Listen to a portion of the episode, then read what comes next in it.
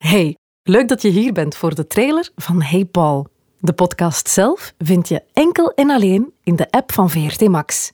Ik kan je verzekeren dat het de moeite is om daar te gaan luisteren. Ik laat je alvast een paar dingen horen. You know, I've met him. Ik vind gewoon beroemd zijn heel moeilijk. What the fuck is daar juist gepasseerd? Yeah, yeah. Ah! Is Paul McCartney here? Ik ben Michel Cuvelier. Ik maak radio bij Studio Brussel. En Hey Paul is mijn eerste podcast. Een kweeste, waarin ik zo dicht mogelijk probeer te geraken bij mijn grootste muziekheld Paul McCartney om hem een vraag te stellen die voor mij van levensbelang is. How do you let it be? Ja, ja. Ik vind een goede vraag. Welkom bij mijn zoektocht naar een antwoord, getekend Paul McCartney met drie krasjes en drie kusjes.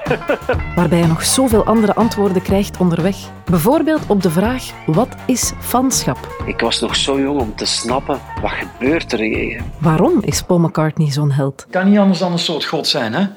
Kan niet anders. Waarom is Let It Be een van de meest bijzondere nummers ooit geschreven? Dat nummer dat heeft bij mij echt al op een paar echt heel diepe momenten superveel troost gegeven. En waarom wil ik Paul net die vraag stellen? How do you let it be? I'm going to ask you that question. How about that? I'm 29. I'm lost. Wat me naar mijn eigen verleden leidt en naar plekken die ik niet voor mogelijk houd. He was driving. He was driving. He was driving the car.